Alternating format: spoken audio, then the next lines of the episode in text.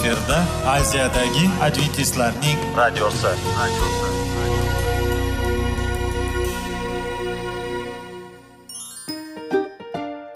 Assalomu alaykum aziz radio tinglovchilar. Sog'liq daqiqasi rubrikasiga xush kelibsiz. Zero tananing sog'lom bo'lishi va uning kasalliklardan saqlash har bir insonning burchi hisoblanadi. Inson uchun bebaho boylik bu sog'liq salomatlikdir. Uni asrash esa har birimizga omonat qilib berilgan. Shuning uchun ham inson o'z sog'lig'ini ehtiyot qilishi va ajib amallardan hisoblanadi. Dono xalqimiz sog'liq tuman boylik deb bejiz aytmagan. Aql idroq sohibi bo'lgan inson o'z hayotini qadrlashi lozim bo'ladi. Hozirgi kunda qanchalik dori darmonlar ko'paymasin tibbiy muassa sifati shifokorlar vasiyasi tibbiy texnika yaxshilanmasin. Agar insonning o'z salomatligi haqida qayg'urmasa kutilgan natijaga erishib bo'lmaydi va biz sizlarga bizning dasturimizga xush kelibsiz deymiz.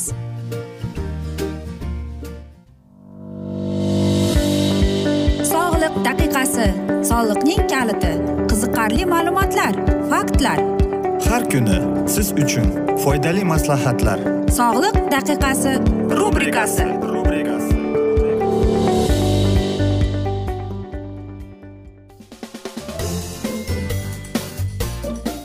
assalomu alaykum aziz radio tinglovchilar. Dasturimizga xush kelibsiz va biz sizlar bilan sog'lom ovqat deb nomlangan dasturda xushvaqt bo'ling deb aytamiz va bugungi bizning dasturimizning mavzusi bu bulimiya xo'sh siz aytasiz bulimiya bu o'zi nima? Bu kasallikmi deymiz. Keling sizlar bilan qisqacha ma'lumot berib o'tamiz. Bulimiya qanday kasallik haqida?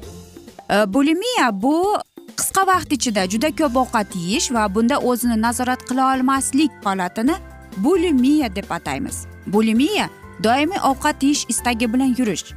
Hech bir e, harakat va vaziyat bu istakni so'ndira olmaslikning bulimiyaning asosiy ko'rsatkichisidir xuddi alkogolizm kasalligida aroqni xurujli ichishga ishtiyoq bo'lganidek bulimiyada ovqatni xurujli yeyish holati paydo bo'ladi. Xurujli va hujumli ovqat yeyish paytida bulimiyaga uchragan inson biroz taskin topib lazzatlanadi. Bulimiya kasalligida odam ovqat ko'p yeydigandan keyin oshqozonni tozalash va ichaklardan bu ovqatlarni sun'iy yo'l bilan haydash istagi paydo bo'ladi. Ular sun'iy yo'l bilan qo'lini og'ziga tiqib qusishlari ichni yuvadigan ichni suradigan dorilar ichishlari siydik haydovchi dorilar bilan go'yoki semirishdan qutulish uchun vazn to'plashning oldini olish choralarini qo'llashlaridan ham mumkin deydi. Ba'zan esa juda ko'p ovqat yeganlaridan keyin o'zini qiynoqlarga solish darajasida ko'p harakat qilib yegan ovqatini organizmdan chiqarishga harakat qilishadi. Ovqatdan bo'kish haftasiga bir ikki marta ro'y beradi. Oshqozonni tozalash istagi semirib ketishdan qo'rqish va xavotirlanish fikrlarini kamaytirish uchun o'ylab topilgan sun'iy shifosidir. Psixologik nuqtai nazardan qaraganda bulimiya bu alkogolizm narkomaniya tamakiga karam bo'lish kabi qaramliklarning biri turidir. Bunda insonlarning o'zini idora qilish qobiliyati kamligi irodasining sustligi va bu holatlarning asosi o'ziga ishonchining yo'qligidan o'z fikrlariga o'zi karam bo'lib yashaydi. Bulimiyaga uchragan insonlar ko'p ovqat yeb qo'ygandan keyin o'zini yomon ko'rishi bilan birga o'zini ayblaydi qoralaydi ich ichidan o'zini kaltaklaydi go'yo. Negativ fikrlarning qurboni bo'lgan bu insonlar ovqatga bo'kish sodir bo'lgandan keyin bir necha kun kayfiyatsiz bo'lib yurishadi. O'zidan o'zi uyaladi. O'zini uzoq vaqt davomida tarbiyalashga harakat qilishadi. Ko'pincha boshqa bunday ovqat yemayman deydi. Ayollarda ko'p uchraydimi degan savollar keladi. Bulimiya ayollarda erkaklarga qaraganda bir necha marta ko'p uchraydi. Bu kasallik ko'pincha o'smirlikda uchraydi va yigirma yigirma besh yoshlarda avj oladi. Bulimiyaga uchragan odamlarning xarakterida perfeksionizm ya'ni hamma narsaning judayam yaxshi bo'lishiga intilish kabi sifatlar bo'ladi. Bunday odamlar tartibini yaxshi ko'radigan aniqlikni talab qiladigan impulsiv qarorlar chiqarishga moyil odamlar bo'lishadi. Bulimiya maqtovni istaydigan xudbin o'zining imijiga ko'p e'tibor qilishlarining istagan asossiz o'zini sevgan odamlarning kasalligidir. Xo'sh bulimiyaga uchraganlarda quyidagi ruhiy og'ishishlar paydo bo'ladi. Bulimiyaga uchragan odamlarning aksari qismida depressiya kasalligi bo'lishi kuzatilgan. Fobiya xavotir impulsiv buzilishi ruhiy zo'riqishdan keyin stress va uning oqibati diqqat xotiraning buzilishi va giperaktivlikning paydo bo'lishi dorisiz uxlay olmaslik ko'p dori iste'mol qilish kasallikka ruhiy jarohat sababmi?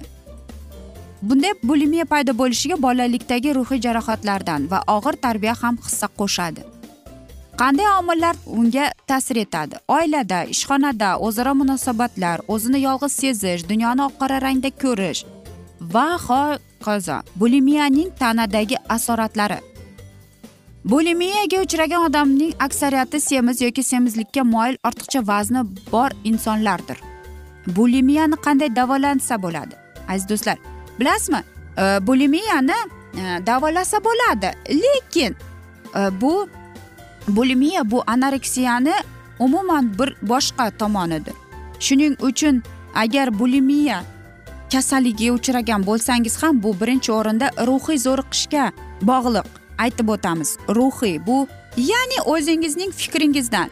Siz ovqat yeb buni mana shunday qilib sun'iy yo'l bilan chiqaraman desangiz unday bo'lmaydi. Undan ko'ra siz Э, mana shu ovqatga to'y xuddi sizning nazaringizda siz ovqatga to'ymayotgandek tuyulsa undan ko'ra siz o'zingizning ratsioningizda aytaylik e, salat barglarini e, mevalarni kletchatkani ko'paytiring. Va albatta e, mevalarni nega?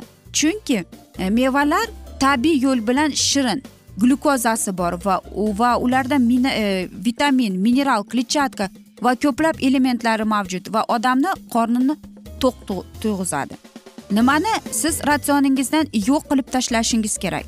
Birinchi o'rinda bu shakar va albatta yog'lardir.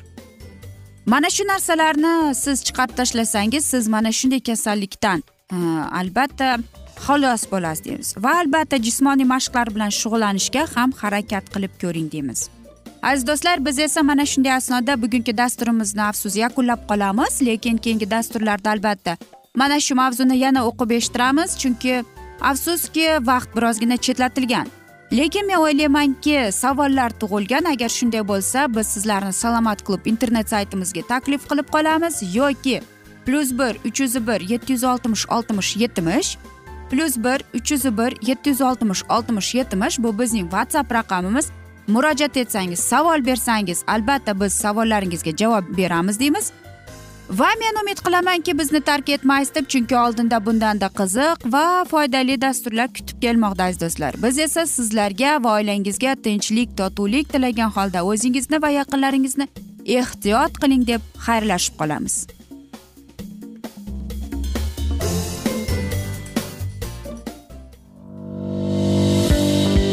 Sog'liq daqiqasi soliqning kaliti qiziqarli ma'lumotlar faktlar. Har kuni siz uchun foydali maslahatlar. Sog'liq daqiqasi rubrikasi.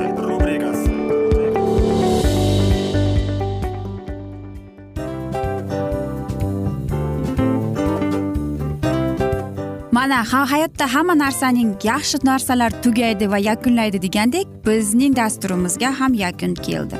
O'ylaymanki bizning dasturimiz sizga foydali bo'ldi deb aziz radio tinglovchimiz. Va siz o'zingiz uchun kerakli xulosalar kerakli maslahatlar olib oldingiz. Aziz radio tinglovchimiz biz bilan qoling va keyingi dasturlarimiz albatta undanda qiziqroq bo'ladi. Mana shu alfozda sizlar bilan xayrlashib qolaman.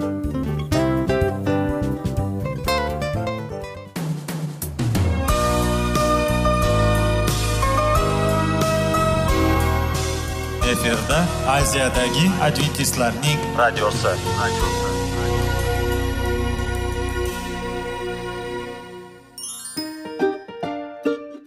Assalomu alaykum aziz radio tinglovchilarimiz. Dil izhori dasturimizga xush kelibsiz. Pul insonni baxtli qiladimi? Albatta yo'q. Sog'liqchi? Albatta bo'lishi mumkindir. Lekin olimlar shuni isbotlashdiki to'liq va mukammal munosabatlar insonlarni baxtli qilar ekan. Albatta biz hayot davomida biz yaqin insonlar bilan odamlar bilan aloqada bo'lamiz va ular bilan munosabatlarimiz qanday kechadi qanday tuziladi? Yigit va qiz er va xotin ota ona va farzandlar va yaqin insonlar bilan. Balkim hozirgi vaqtda kimnidir hayoti yoki munosabatlari buzilyapti va bizning dasturlarimiz ularga yordam bo'ladi deb va oldinda sizlarni qiziqarli intervyular va mavzular kutyapti va biz umid qilamizki siz biz bilan qolasiz deb.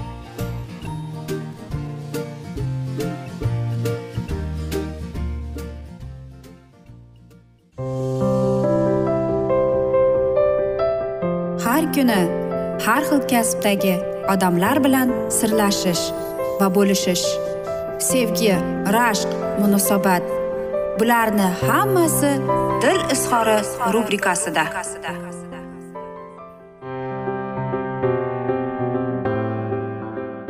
Assalomu alaykum aziz radio tinglovchilar. Dasturimizga xush kelibsiz va biz sizlar bilan izlash va ushlab qolish degan dasturda xush vaqt bo'ling deb aytamiz va bugungi bizning dasturimizning mavzusi nikoh qurish motivlari va xususiyatlari deb ataladi. Nikoh oldi omillaridan yana biri bu nikoh qurilishiga asos bo'lgan nikoh motivlaridandir. Motiv iborasi psixologiyada ma'lum bir xulq faoliyatning yuzaga kelishiga asos bo'lgan kuch turtki manba asosni bildiradi. Xo'sh oilalar qanday motivlar tufayli yuzaga kelishi mumkin degan savol tug'iladi. Psixologik adabiyotlarda bir necha o'nlab nikoh motivlarini e, farqlanadi. Lekin ular umumlashtirilgan holda uchta klassifikatsiyaga farqlanadi. Bular sevgi tufayli oila qurish ya'ni yoshlar oila qurishdan avval bir birlarini sevib ma'lum bir muddat sevib sevilib yurganlaridan so'ng shu o'zaro sevgining mahsuli sifatida bir birlarining visoliga to'y qilib oila qurib yetishdi. Motivlarning ikkinchi klassifikatsiyasi bu moddiy yoki o'zga manfaatdorlik tufayli oila qurish. Bunda yoshlar oila qurar ekanlar. Nimanidir hisobga olgan holda ma'lum bir maqsadni ko'zlab oila qurishlari mumkin. Masalan boylikni mansabni moddiy yoki ijtimoiy manfaatdorlikni ko'zga ko'zlagan holda. Agar shu yigitga turmushga chiqsam boy badavlat yashayman deb yoki shu qizga uylansam uning ota onasi yordamida ma'lum bir mansab mavqega erishaman degan fikrlar asosida o'zining ijtimoiy iqtisodiy avlodidan qutulish yolg'izlikdan qutulish va boshqalar. Shu kabi hisobga olinadigan narsalarni ko'plab sanab o'tish mumkin. Nikoh motivlari klassifikatsiyasidan yana biri bu stereotip bo'yicha oila qurish deb ataladi. Bu toifa yoshlarda oldingi e, motivlardan ikkalasi ham kuzatilmasligi mumkin. Ular oila qurar ekanlar stereotiplarga qaraydilar. Bunday yoshlardan nima uchun oila qurganliklarini so'rasa odatda hamma tengdoshlarim uylanayotgandi. Men ham uylandim yoki hamma dugonalarim turmushga chiqishgan edi. Men ham turmushga chiqdim kabilida javob beradilar. Xo'sh shu sanab o'tilgan uchala motiv sevgi moddiy va o'zga manfaatdorlik tufayli stereotip bo'yicha qurilgan oilalarning qay biri mustahkamroq bo'ladi? Ya'ni qaysi motiv nikoh oila mustahkamligini kuchliroq ta'minlaydi. Albatta bu savolga yoshlarning aksariyati birinchi motivni ya'ni sevgi motivini tanlab javob berishadi. Chunki ular sevgi tufayli oila qurish nikoh mustahkamligini ta'minlovchi eng ishonchli mustahkam poydevor deb hisoblaydilar.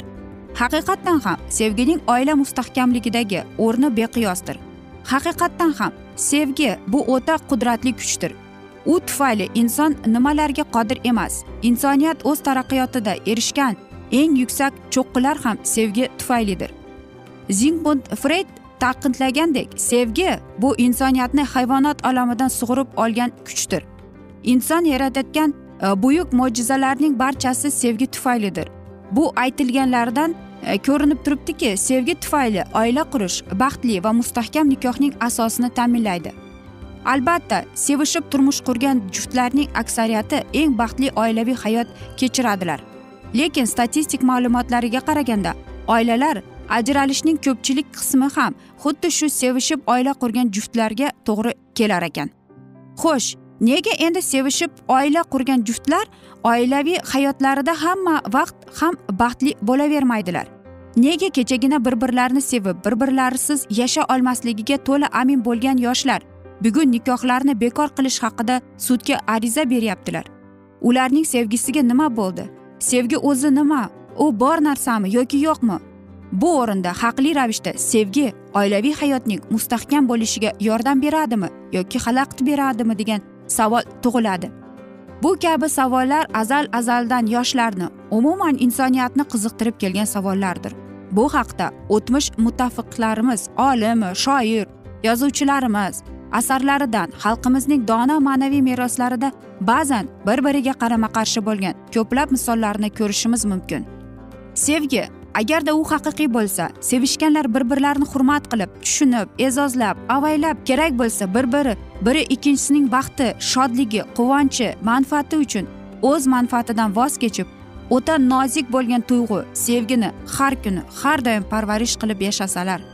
Unda sevgi ularning munosabatlarini yanada yaqinlashishiga ularning oilaviy hayotning mustahkamlashishiga va birgalikdagi hayotlarida eng oliy zavq shavqlarni his qilishlariga asos bo'lishi mumkin.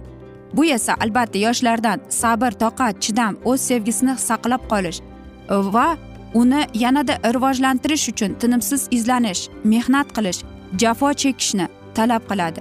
Shundagina sevgi o'zining lazzatli mevalarini berishi o'zining kuch qudratini ko'rsatishi mumkin. Albatta har bir yigit qiz o'zaro oila rishtalarini bog'lar ekan. Ular o'z hayotlaridagi bu muhim voqeaga umid orzu bilan yondashuvi tabiiy. Agar sevishganlar oila qurganlaridan keyin murod maqsadimga erishdim deb sevgisini himoya qilishni uni parvarish qilishni unutsa uning uchun kurashmasa qarovsiz qolgan har bir nozik nihol nobud bo'lganidek eng nozik tuyg'u bo'lgan sevgi ham nobud bo'ladi. Shundan so'ng sevgi nomi bilan qilingan orzu niyatlar sarobga aylanadi. Yoshlarning oila nikoh sevgi fonida shakllangan tasavvurlari noto'g'ri bo'lib chiqadi. Oqibatda oilaviy hayotdan kutgan narsalari qolib ketadi. Mutlaqo kutmagan narsalarga duch kelishlari kuzatiladi deydi. Aziz do'stlar mana shunday asnoda esa biz afsuski bugungi dasturimizni yakunlab qolamiz chunki vaqt birozgina chetlatilgan. Lekin keyingi dasturlarda albatta mana shu mavzuni yana o'qib eshittiramiz. Va agar sizlarda savollar tug'ilgan bo'lsa plyus bir uch yuz bir yetti yuz oltmish oltmish yetmish plyus bir uch yuz bir yetti yuz oltmish oltmish yetmish bu bizning whatsapp raqamimiz. Murojaat etsangiz bo'ladi. Va men umid qilamanki bizni tark etmaysiz deb chunki oldinda bundanda qiziq bundanda foydali dasturlar kutib kelmoqda sizlarni. Biz esa sizlarga va oilangizga tinchlik farovonlik tilab va albatta aziz do'stlar seving seviling deb xayrlashib qolamiz.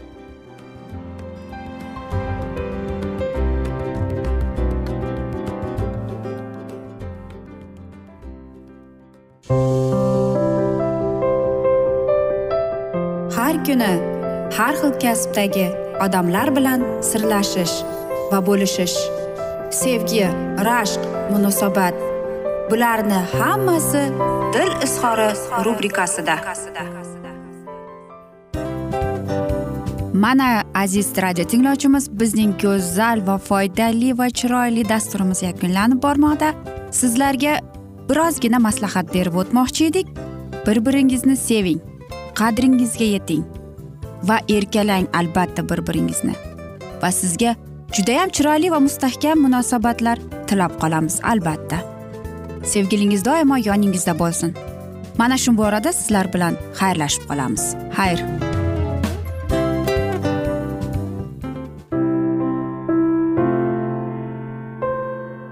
Hayotning noni qiziqtirgan savollar va javoblar. Buning hammasi ko'ngil uchun oziqa rubrikasida.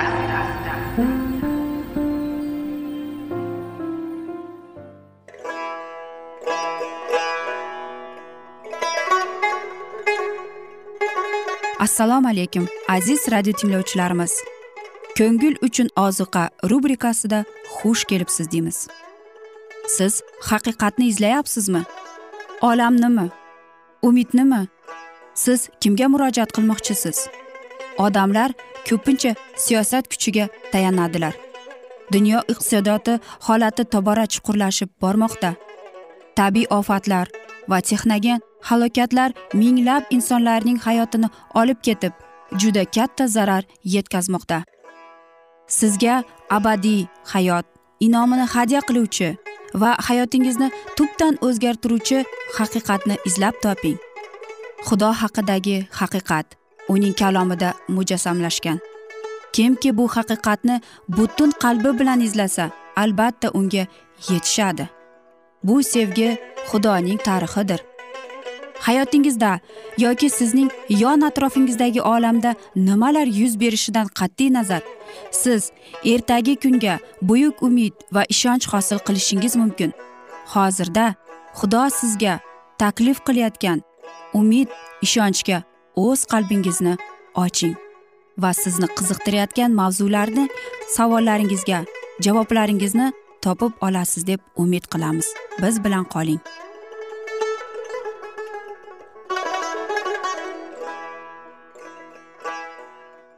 Assalomu alaykum aziz radio tinglovchilar. Dasturimizga xush kelibsiz va biz sizlar bilan ulug' otalar va payg'ambarlar degan dasturda xushvaqt bo'ling deb aytamiz.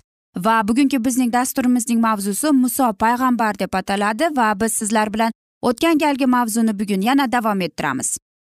Xudovandimiz esa ishimizni bajarishga bizga kuch qudrat beradi.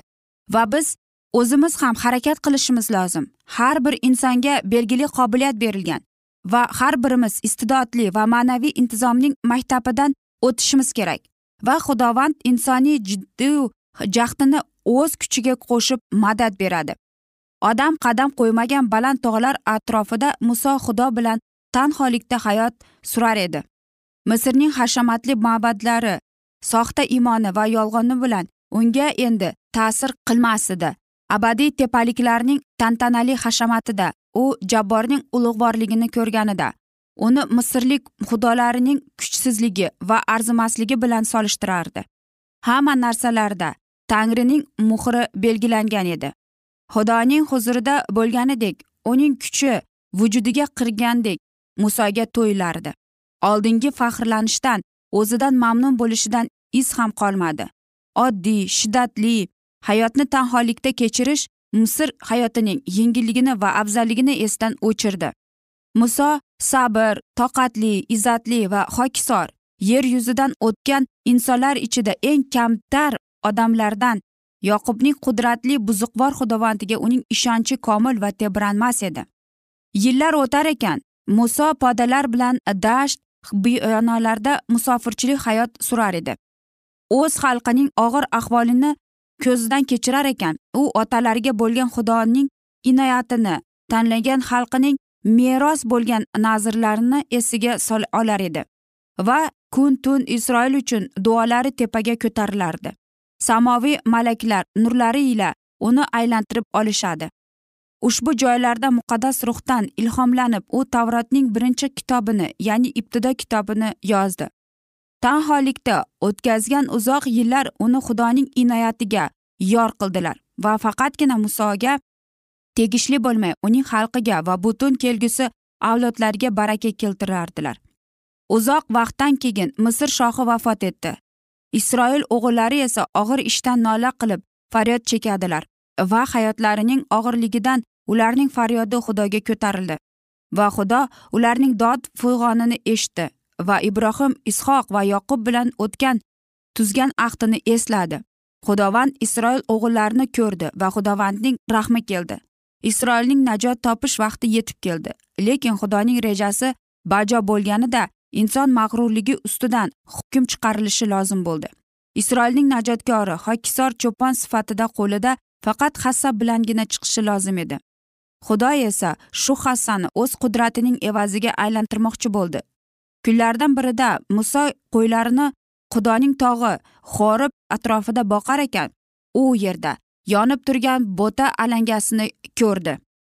Bo'toq shoxlari barglari yonardi lekin yonib bitmasdi. Bu g'aribotni yaxshiroq ko'ray deb yaqinlashdi.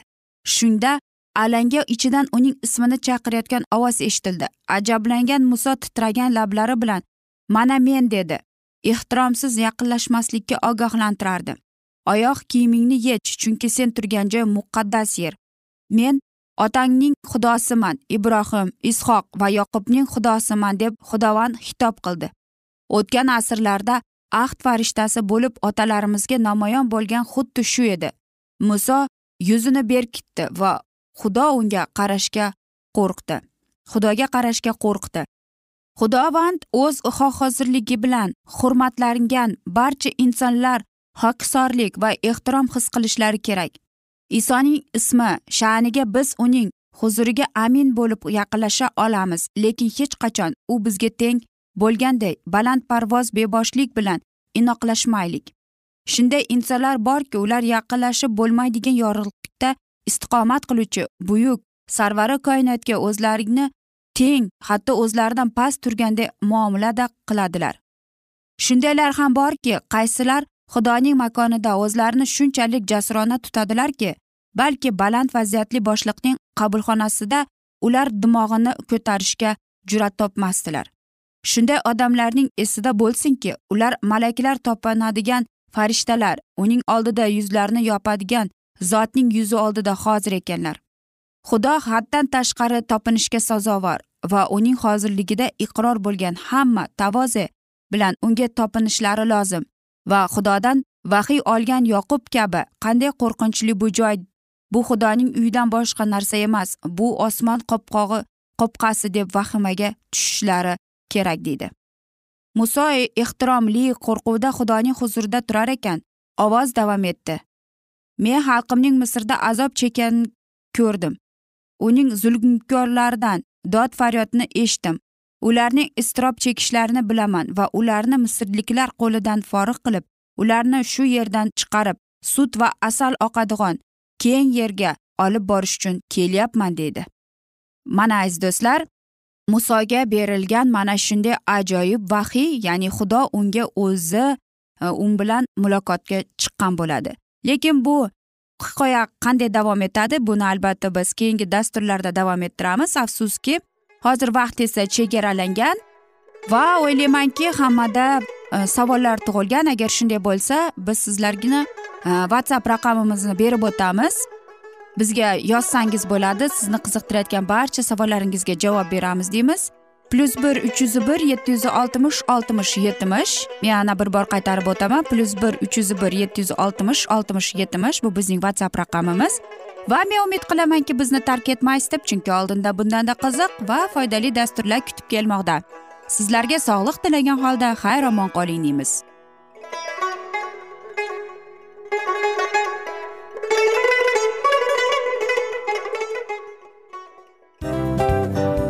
Hamma narsaning yakuni bo'ladi degandek afsuski bizning ham dasturlarimiz yakunlanib qolyapti. Va biz o'ylaymizki bizning dasturimizdan o'zingiz uchun kerakli va foydali maslahatlar olib oldingiz. Sog'liq borasida sizga foydali maslahat berganmiz deb umid qilaman albatta. Va sizlarga mana shu borada sog'liq tilab qolaman. Munosabatlarga kelganda esa sizlarga sevgi omad va albatta yaxshi munosabatlar tilab qolamiz. Uchinchisiga kelganda esa bu juda chuqur va e'tiborli nazarni qumsaydi va sizlarga mana shu yaxshilik kayfiyatda sizni kayfiyatingizni ko'targan holda sizlar bilan xayrlashib qolaman afsuski. Ammo lekin keyingi dasturlarimiz undanda qiziq bo'ladi. Va siz biz bilan bo'ling. Bizni tanlaganingiz uchun sizlarga rahmat. Omad sizlarga. Xayr.